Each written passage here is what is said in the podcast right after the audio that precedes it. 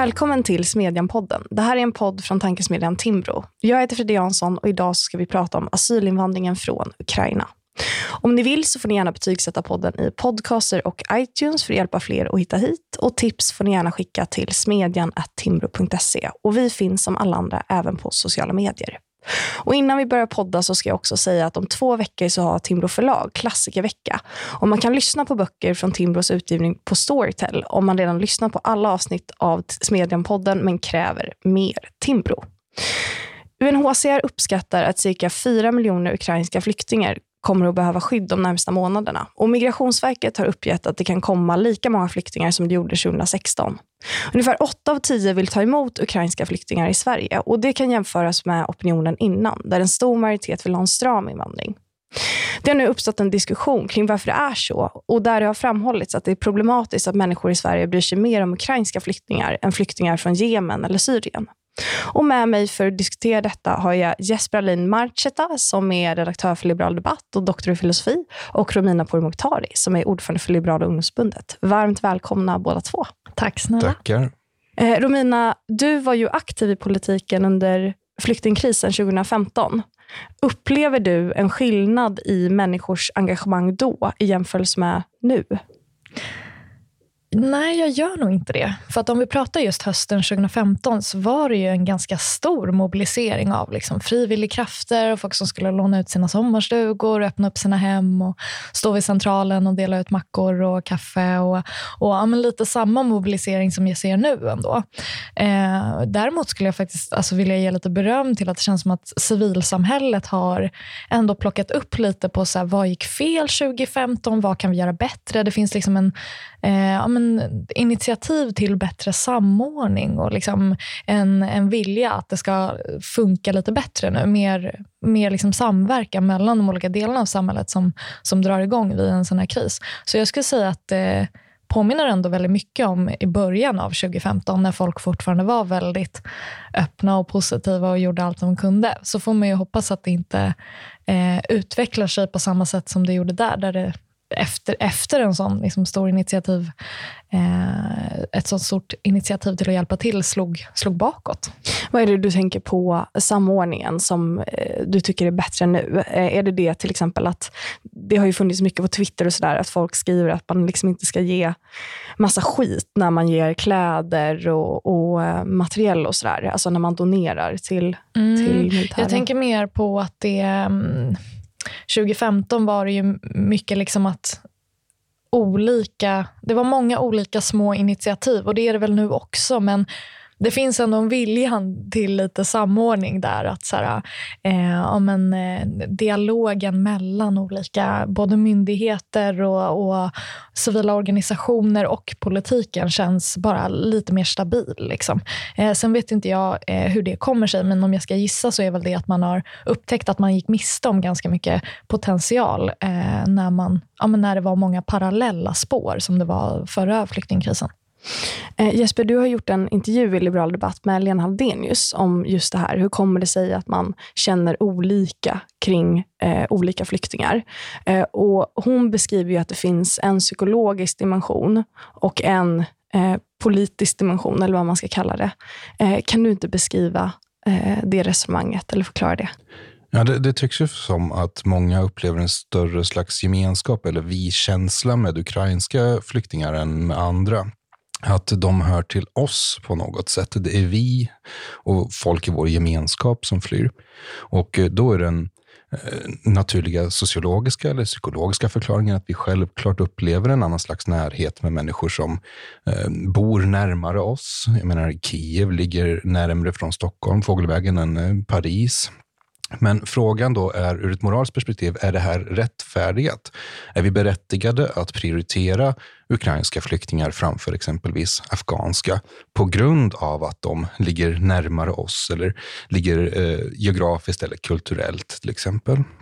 Och eh, Lena Haldenius är professor i mänskliga rättigheter. Hon är en filosof i grunden och hon menar att det är inte vår närhet som styr våra skyldigheter i sådana här exempel, utan det är skyddsbehovet hos de som flyr.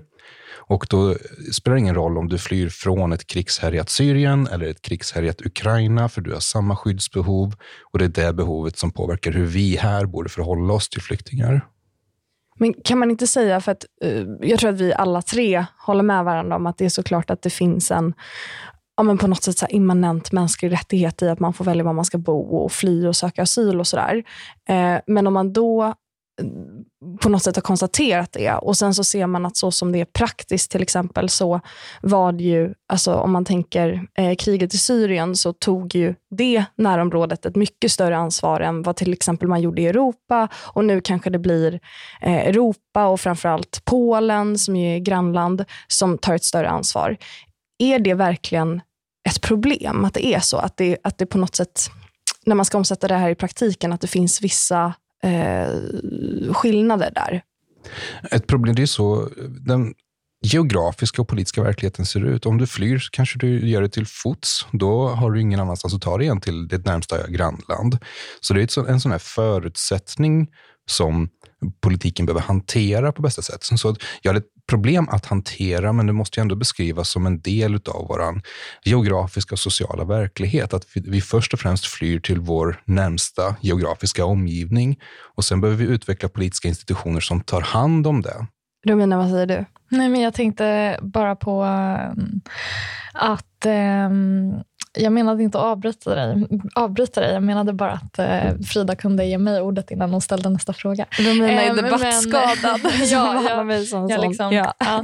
Eh, nej, men, eh, eh jag tänk, det finns ju liksom, eh, ja, men precis som du säger, jag vill bara bygga vidare på ditt resonemang. Att det finns ju en logisk om du flyr från, från en situation som är... Alltså, man kan ju, det är ju svårt att föreställa sig, men krig är ju otroligt traumatiskt och liksom det, du flyr för ditt liv, liksom, bokstavligen. Och då är det ju så, det finns ju liksom olika, olika aspekter att väga in. Det logiska är ju att man vill ta sig till en plats som är ganska nära, för man vill komma åt en verklighet som är så nära som den, den man hade innan det blev krig. Liksom. Man vill ju vara någonstans som, där man kan känna igen så mycket som möjligt och, och liksom bygga upp en trygghet. Men för andra kanske det är så att man, man vill fly till Europa eller fly längre för att man är orolig över att man inte har haft den här stabila verkligheten. Att man liksom inte har haft en, en trygghet som ändå har funnits i Europa eh, på ett annat sätt. I alla fall i liksom de nordiska länderna eh, väldigt mycket längre än det har funnits i ja, länder exempelvis i Mellanöstern. Så att det finns ju en, en logik i det beteendet också som inte är eh, men det som Sverigedemokrater ofta refererar till som ekonomiska flyktingar eller vad de nu vill kalla det. Eh, men folk som flyr i, liksom, de flyr för att de vill ha, de vill ha liksom, eh, pengarna som, som, och välståndet som finns i väst. Eh, och Det är inte så konstigt, för det välståndet innebär ju också en stor trygghet. Eh, och Det vill väl varenda människa åt. Liksom. Eh, så att båda de båda de slutsatserna är logiska, tänker jag. Eh, ja. Men eh, Jesper, du pratar ju om den här att vår skyldighet att ta emot människor som flyr, det är inte någonting som kan bero på opinionen och sådär. Och sen så ser vi kanske i praktiken att det eh, faktiskt ser ut så. Romina, du pratade ju om att här, i början av 2015 så fanns det en positiv opinion som sen förändrades. Och eh, vad är, på något sätt om man kollar på konsekvenserna av det, så blir det ju liksom att migrationspolitiken ibland blir lite så här hipp som happ. Liksom. Att man har bestämt sig kanske för att ha en stram invandring och sen så kom gymnasielagen och då så sa man att okej, okay, men man får stanna och det i praktiken ledde till liksom en ganska rättsosäker process där förvaltningsdomstolarna inte tillämpade lagen på samma sätt. Um, och så här, hur, hur ska man förhålla sig till den här principen eh, när man har en situation där migrationspolitiken är väldigt beroende på opinion? Va, va, hur ska man tänka kring det? Kanske att på ett eller annat sätt frigöra de här institutionerna från plötsligt uppblossande empati. Så att vi har en institutionell stabilitet kring flyktingpolitik eh, som inte är beroende av tillfälliga vindar. Sen vet jag inte hur i praktiken det skulle se ut, men förmodligen kan det handla om mellanstatliga och överstatliga institutioner. som eh, är redo för plötsliga kriser. Vi kan väl förvänta oss fler sådana här kriser i framtiden, inte minst med klimathotet kommer att orsaka flyktingströmmar. Och då kanske vi ska vara bättre förberedda på plötsliga, eh, plötsliga händelser. Så att vi har institutioner som kan hantera det redan från början och inte är beroende av att eh, civilsamhället, som du nämnde, tar, tar tag och, och kraftsamlar. Så kanske behöver vi utveckla då en mer dynamisk institutionell stabilitet kring flyktingpolitik. Om man tänker bara kring det faktum att det är så att det finns en positiv opinion nu kring att ta emot ukrainska flyktingar och att det länge har funnits en ganska negativ opinion kring att ta emot flyktingar överlag. Eh, vad beror det på? Eh, Romina? Jag tänker, det här är en jättebra fråga. Jag tänker dels att det beror på att eh, så här, det är väldigt tydligt vad det är som har hänt i Ukraina. Det är så eh, Putin, en hemsk diktator som har attackerat ett europeiskt land där det fanns liksom ungdomar som pluggade på universitet och drack öl på bar och, och man kanske har varit i Kiev och turistat och så vidare. Och Det skapar en, en trygghet för det svenska folket i att man lite vet vad det är man får och vad det är som händer. Om man exempel, eh, exempelvis jämför med Syrien så eh, var det ju liksom en situation som uppstod där eh, det samtidigt som det pågick ett liksom, eh, eh, terrorkrig och, och folkmord i liksom, delar av Mellanöstern, vilket känns ganska främmande och långt borta för många i Sverige, eh, eh, så, så pågick det också aktioner av samma krafter som fanns i Syrien, alltså Islamiska staten Daesh, i europeiska länder med terrorattacker och annat. Och Det byggde en jättestor oro eh, hos det svenska folket att så, i att ta in flyktingar så tar vi inte bara bara in liksom, eh, stackars eh, kvinnor och barn eh, som, är, som är europeer och, och lika oss och, och har liksom vuxit upp med liknande livsstil som oss, utan råkar också kanske ta in terrorister. Alltså det finns ju massa sådana faktorer man vägde in. Samma grej finns ju också att eh, där flydde ju väldigt många eh, ja, men män också. Eh, män som, som flydde från eh, ja, men ett totalt havererad situation med, med krig och, och liksom bomber som kunde smälla av när som helst. Eh, i, fallet med Ukraina så finns det en plikt, en värnplikt, eller liksom en, en... Eh, gud, vad heter det ens? Eh, ja, men det finns helt enkelt en plikt, eller en, en lag, som, exakt, ja. en lag som ja, har, har bestämt att män mellan vad är det nu, 16 och 60 eller 18 och 60 eller något sånt måste stanna kvar i Ukraina för att kriga. Eh, så de som flyr är eh, ofarliga kvinnor och barn eh, som inte kan tänkas vara ryska undercover liksom, eh, personer som kan skada Sverige. Det är en ganska enkel, eh, jämförelsevis, eh, få risker man tar genom att alltså, öppna upp sina hjärtan för, för Ukraina. Och Då är det såklart enklare att göra det, tänker jag bara. Eh, det, det, är ju en del i det hela. Och Jag tror inte att det nödvändigtvis liksom det finns självklart, alltså, man kan absolut väga in huruvida det är rasistiskt eller inte. Liksom att man, men det är ju också det här logiska i att eh, det, är, det är närmre, alltså rent geografiskt. Och, då, och Det är också ett hot som skulle kunna eh, nå Sverige också. Och då, det är ett hot som är lättare att förstå sig på och det är eh, ja, men kvinnor och barn. Eh, och Då är det liksom den riskkalkyleringen man kanske gör som svensk då, om man ser till varför svenskarna är så positiva till ukrainska flyktingar. Det är ju en helt annan ja, men riskkalkyl. Det är inte så farligt, även om det är lika belastande för systemen. Och, eh, ja, men från politiskt håll måste man ju sitta nu med hur ska skolsystemet klara det här? Hur ska arbetsmarknaden klara det här? Hur ska man se till att folk har någonstans att bo när andra inte vill låna ut sina sommarstugor längre? Eller, eller hur är man löser det temporärt nu? De problemen är ju precis lika stora eh, jämfört med andra flyktingkriser. Men de problemen som skulle kunna påverka gemene svensk är mindre, eller de riskerna är, är långt mindre. Och Då är det väldigt mycket enklare att vara positiv. Liksom. Um, jag lyssnade på en Varg söker sin podd som pratade lite om det här med Liv Strömquist och Caroline Ringskog Ferrada-Noli. Och eh, de menade liksom att den aspekt i det här kunde vara att eh, man identifierar också Ryssland mycket tydligare som en fiende för att man är eh, rädd för att Ryssland ska invadera Sverige. och Därför känner man identifikation med de flyktingarna, för att man tänker att det skulle lika gärna kunna vara jag. Och Då eh, skiljer de det från till exempel alltså, syriska flyktingar och sådär. Eh, men jag blev ändå lite förvirrad när jag hörde det, för att jag upplevde liksom att det fanns en jättestark opinion i Sverige eh, vid den tiden alltså mot IS. Att det verkligen var eh, en fiende som folk eh, var rädd för. Ja, men lite som du sa Robina också med liksom terrordåd i Europa och sådär. Mm. Och i Sverige. Alltså, ja. Vi hade ju IS-dåd mitt på Drottninggatan i Stockholm och mm. jättemånga svenskar dog. Mm. Eh, eller inte jättemånga, men flera svenskar dog. Så att, eh, det är ju ett hot som inte bara hotade oss, utan faktiskt skadade oss. Liksom. Mm. Eh, så där faller väl lite den tesen. Men alltså, det är inte...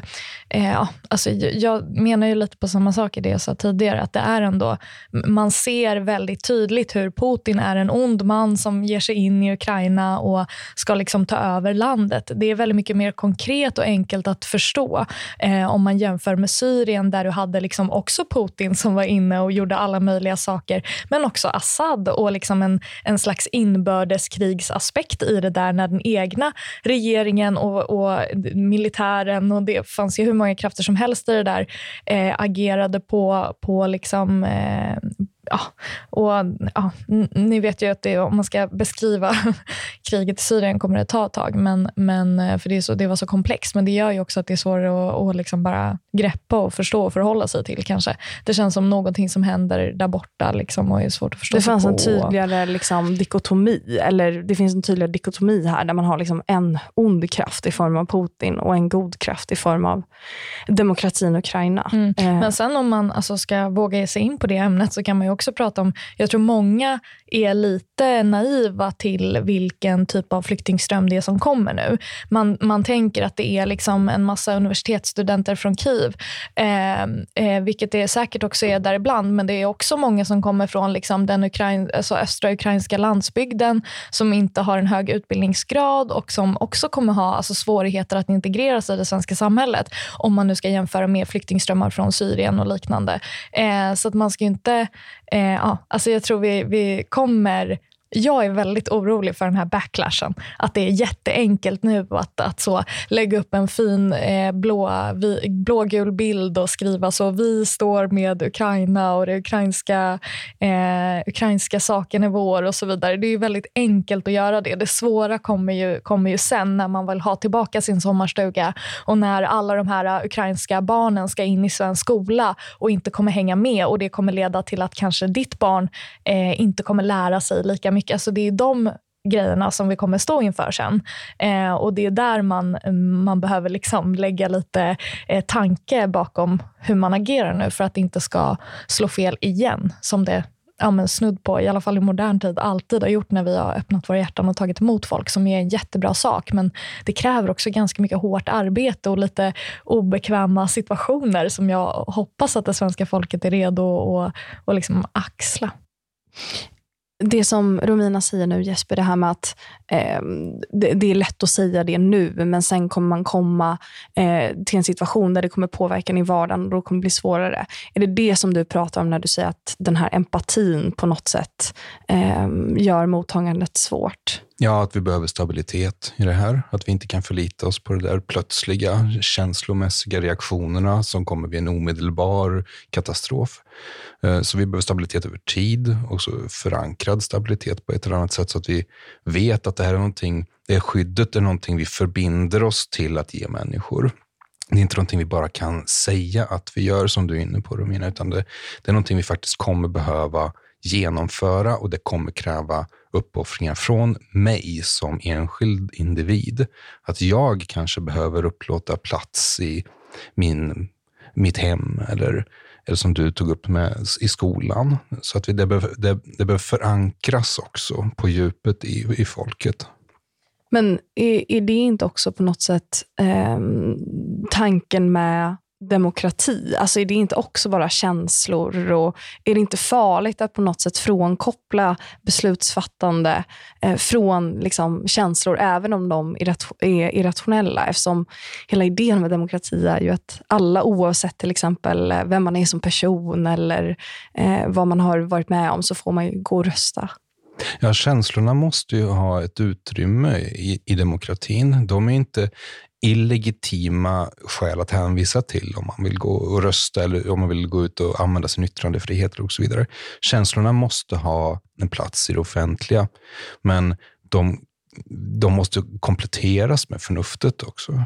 Så att vi tänker efter hur ska vi omsätta de här empatikänslorna i verkligheten. Så att eh, ja, både, både förnuft och känsla har en roll att spela. Eh, när det kommer till asylrätten så är den ju Eh, väldigt omdiskuterad, eller har varit det. Eh, och det är ju väldigt svårt att söka asyl idag. Eh, det kräver ju väldigt mycket av en person att man ska liksom klara av att göra det. Och Det är ofta liksom en hemsk resa genom många länder. Det, det kan liksom vara att man måste bli smugglad och liksom under hemska förhållanden och sådär hur kan man göra någonting åt det? Eller måste det vara på det sättet? Alltså om man säger så här, asylrätten är en mänsklig rättighet, vi måste värna den, det är vår skyldighet. Eh, måste man då leva med det faktum att det typ inte finns några lagliga vägar in i Europa till exempel? Eller att eh, folk måste liksom ta sig under hemska förhållanden till andra länder för att söka asyl? Alltså hade det funnits... Ja jag tänker på det här med att man ska söka asyl i det första landet. Alltså det finns ju sådana principer mm. också som, som ingen följer. och Det är väl lite det som jag tycker är det, det bland det värsta med alltså vårt, eh, vår migrationspolitik just nu i Sverige och i Europa. är att om du fular dig och ljuger och fuskar, då tjänar du på det. Men om du håller dig till så som, som reglerna ser ut och som lagarna ser ut, då kommer du antagligen förlora på det. Eh, exempelvis om du inte söker asyl, stannar här och gömmer dig i åtta år, då kan du få stanna för att du har byggt upp en så pass stor anknytning till... Alltså det finns ju massa sätt att komma undan eh, som, som liksom ofta, alltså konsekvenserna som man ofta ser av det migrationssystemet vi har och det liksom lappa-laga-grejen eh, som har blivit ändå i, i vårt mottagande. Det blir ju att de som eh, gör rätt förlora på det. Eh, medan det finns andra som inte följer eh, lagarna och då kan tjäna på det. Och Det tycker jag är jättedåligt. Alltså, ja, det säger väl sig självt. Liksom. Eh, men vad ska man göra åt det? Ja, men alltså, absolut att man kan prata om, eh, man kan prata om lagliga vägar eh, in i Europa. Det vore ju jättebra om man inte behövde liksom gömma sig ovanpå hjulet på en lastbil och mm. klänga sig fast för att ta sig in i Europa. Eh, och så. Men jag tror också att man någonstans behöver ja, men, ha mer stabilitet och konsekvens i hur vi ser på eh, mottagandet. För det är ju liksom, om man exempelvis tar Eh, de afghanska flyktingarna som exempel, så fanns det en stor mobilisering och en väldigt stark liksom, ja, men, eh, stark politisk påverkansarbete i att de afghanska flyktingarna måste få stanna. De här pojkarna har gått igenom så mycket och de behöver trygghet och de kan svenska och det är jätteviktigt att de får stanna och landet de ska skickas tillbaka till är otryggt. Och att man då har en amnesti, att man liksom plötsligt bestämmer att nej, men den här gruppen behöver inte gå samma väg som alla andra. Det blir enormt orättvist.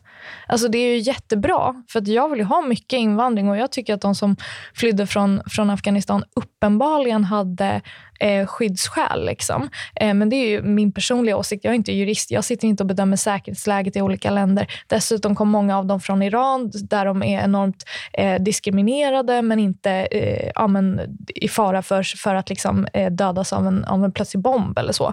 Eh, så att allt det där finns ju att väga in. Men, men det blir jättekonstigt. Alltså, tänk om du kommer som eh, kvinna från Saudiarabien eller vad det nu är, eh, där man kanske kommer färre. Eh, och så har man inte den här enorma mobiliseringen för sin grupp. Ska man då bedömas på andra grunder huruvida man får stanna eller inte? Det blir, det blir väldigt konstigt. Så att, någonstans tror jag ändå att det är väldigt viktigt att vi har den individuella asylprövningen. Och jag gillar asylrätten väldigt mycket.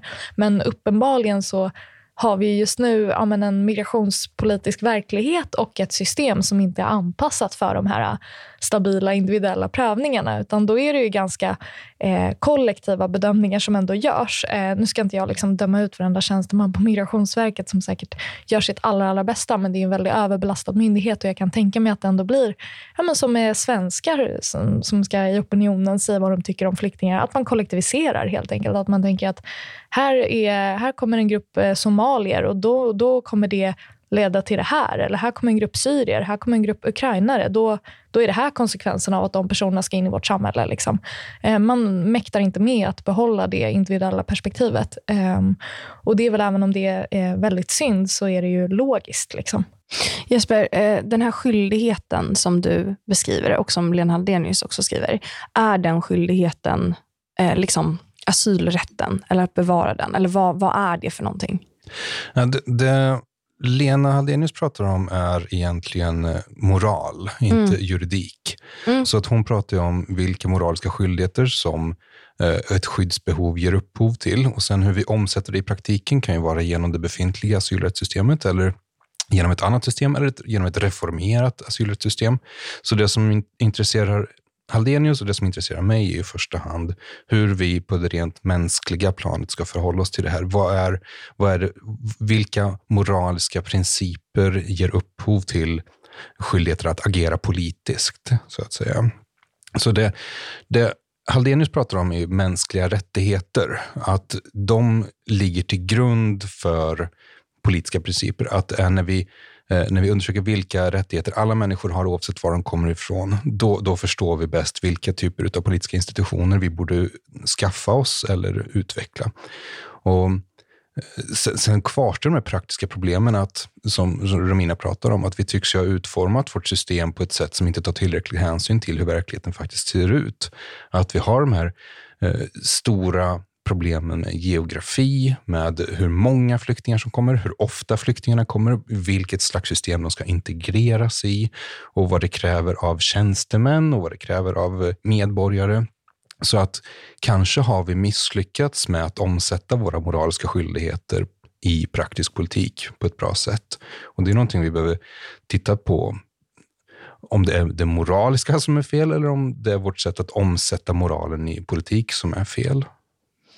Så att det behöver nödvändigtvis inte vara asylrätten som står liksom i samklang med vår moral. Nej, absolut inte. Det är ju ett sätt att, som, det är så vi har försökt att omsätta det moraliska i politik genom asylrätt. Men det behöver inte betyda att det är det bästa sättet eller att det är det enda sättet. Så kanske behöver vi tänka om kring hela eh, idén om asyl. Kanske behöver vi hitta nya sätt att förverkliga våra skyldigheter på. Ehm, vi har ju vidrört lite vid det ämnet, men som har handlat om hur då opinionen har förändrats på ganska kort tid. Om man både tar flyktingkrisen 2015, men även, vi pratade lite innan vi började banda om 90-talet med forna Jugoslavien och sådär. Eh, vad tror ni kommer hända nu? Tror ni att människor kommer att ändra sig? Tror ni att det här kommer hålla i sig? Och Kommer man sitta där då med en eh, liknande lösning som man körde med liksom, gymnasielagen som sen leder till ganska stora liksom, praktiska problem? Eller kan ni försöka sia lite om, om framtiden? Gud vad, Gud vad svårt att säga om framtiden. Men får jag ta den bollen först? Ja, så får du, du får hoppa in. Jag, jag, jag, jag, tänker att den här krisen har uppstått i, i en begynnande valrörelse. Så jag tänker att hur vi förhåller oss till det här kommer påverkas av hur partierna förhåller sig till det här. Om de väljer att eh, ta nya positioner gentemot de man hade planerat att, att ta i valrörelsen inför valet. Om de kommer att eh, så att säga väva samman flyktingmottagandet med vår säkerhetspolitik. Hur kommer, eh, Eh, hur kommer politiker och politiken att framställa vår samtid de närmsta sex månaderna? Det tror jag kommer påverka djupt hur vi som medborgare och väljare förhåller oss till krisen. Det är min tanke.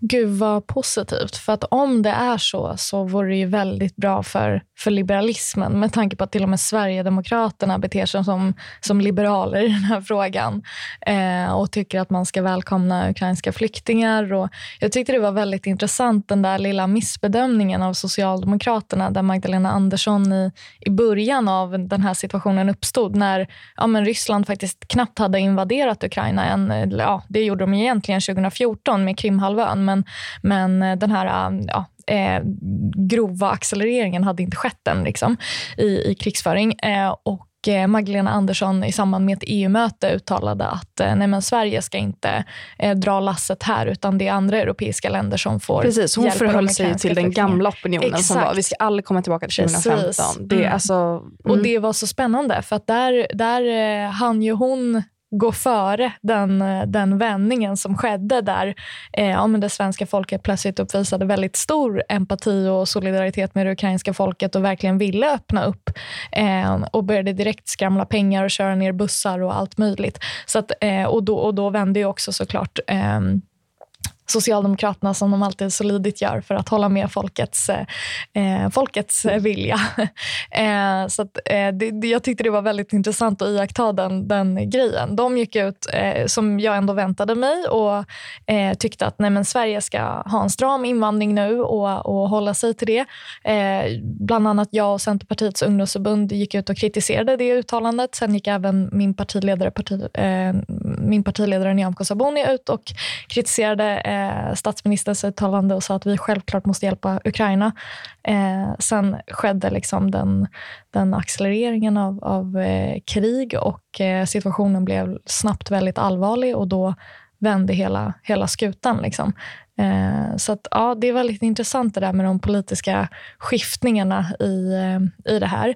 Jag, eh, ja, men jag är väl något mer pessimistisk kanske då eh, än Jesper. Fast nej, det är jag nog inte. Jag tror du håller med mig om det här att det är ju väldigt instabilt. Det är ju mycket magkänsla och, och så. Eh, men i praktiken så får det stora konsekvenser för vårt samhälle att, att öppna upp som vi gör nu. Och eh, jag hoppas att det inte jag hoppas att det funkar bra. Eh, jag tänker mycket på skolan. Alltså man kan ju prata om att så, ja, men det är mycket enklare med ukrainska barn för de har ändå eh, eh gått i liknande skolsystem som Liksom, ja, det är ändå Europa eller ja, vad det nu är man tänker. Men eh, det är ju ett helt annat språk. Ska de lära sig svenska nu eller ska de inte det? Ska de ha undervisning på ukrainska? Eh, hur Ska de hålla sig till läroplanen i två år? För de kanske kan komma tillbaka sen förhoppningsvis till ett fritt Ukraina igen. Eller hur, hur ska man förhålla sig till allt det där? Eh, de stora problemen tror jag, jag vet inte om vi har kommit dit när det är val rörelse. Men om vi har det tror jag att det kan bli snabbt en ganska dålig inställning till, till de här stora problemen som kommer uppstå. Eh, och inte lika konstruktiv och positiv som, och liberal som den är nu kanske. Eh, Jesper, när du beskrev eh, hur du tror att det här kommer utvecklas så beskrev du det som att så här, beroende på vilket narrativ politikerna väljer så kommer svenska folket reagera på det på olika sätt. Har jag förstått argumentet rätt då? Ja, det kommer åtminstone vara en stark faktor i hur mm. folket reagerar. Eh, kan man inte tänka sig att det förhållandet är tvärtom? Att beroende på hur människors åsikter förändras eller vad människor tänker så förändras politikernas narrativ? Ja, det kommer att vara en växelverkan däremellan tror jag. Mm. Um, om, om till exempel, som vi sett de sista åren så har ju till exempel brott och straff och trygghet varit väldigt högt prioriterade bland väljare. Och um, då har de här frågorna varit sammanflätade med flyktingpolitik och folks attityd till flyktingar. Men kanske nu då om vi som eh, Romina var inne på förut, om vi ser en helt annan typ av flyktingström nu, kan man då plötsligt inför en valrörelse prata om brott och straff på ett sätt och flyktingpolitik på ett annat sätt? Är de inte längre nära förbundna med varandra? Och kan vi nu då få en nytändning i eh, säkerhetspolitiska frågan med till exempel ett NATO-medlemskap eller eh, större, fler resurser till eh, Försvarsmakten? Och kommer de frågorna att ha med flyktingar att göra när vi pratar om dem. Det, eh, jag tror att det inte bara är så att politikerna följer med ett finger i luften vad folket tycker och tänker, utan det sker en växelverkan där, där eh, politiker och, eh, och media kommer att ta vinklar och få upp frågor på agendan på ett särskilt sätt och så kommer det ske en växelverkan däremellan. Men jag tror att det kommer bli en helt annorlunda valrörelse än vad eh, någon hade tänkt sig mm. egentligen. Jätteintressant. Mm. Jag, det, jag tror också att det blir en annorlunda valrörelse.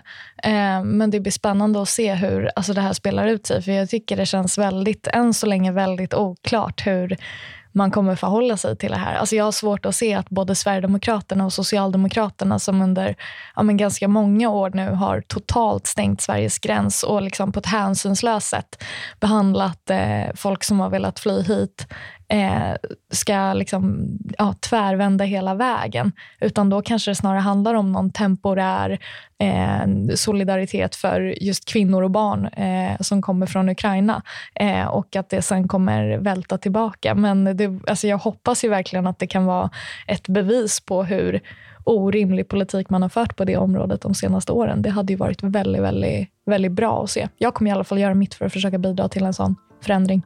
Ehm, och med de orden så vill jag verkligen tacka er, eh, Romina och Jesper, för att ni kom hit och pratade med mig. Ehm, och vi ses nästa vecka, eller hörs nästa vecka precis som vanligt. Och fram tills dess så hittar ni oss på smedjan.se.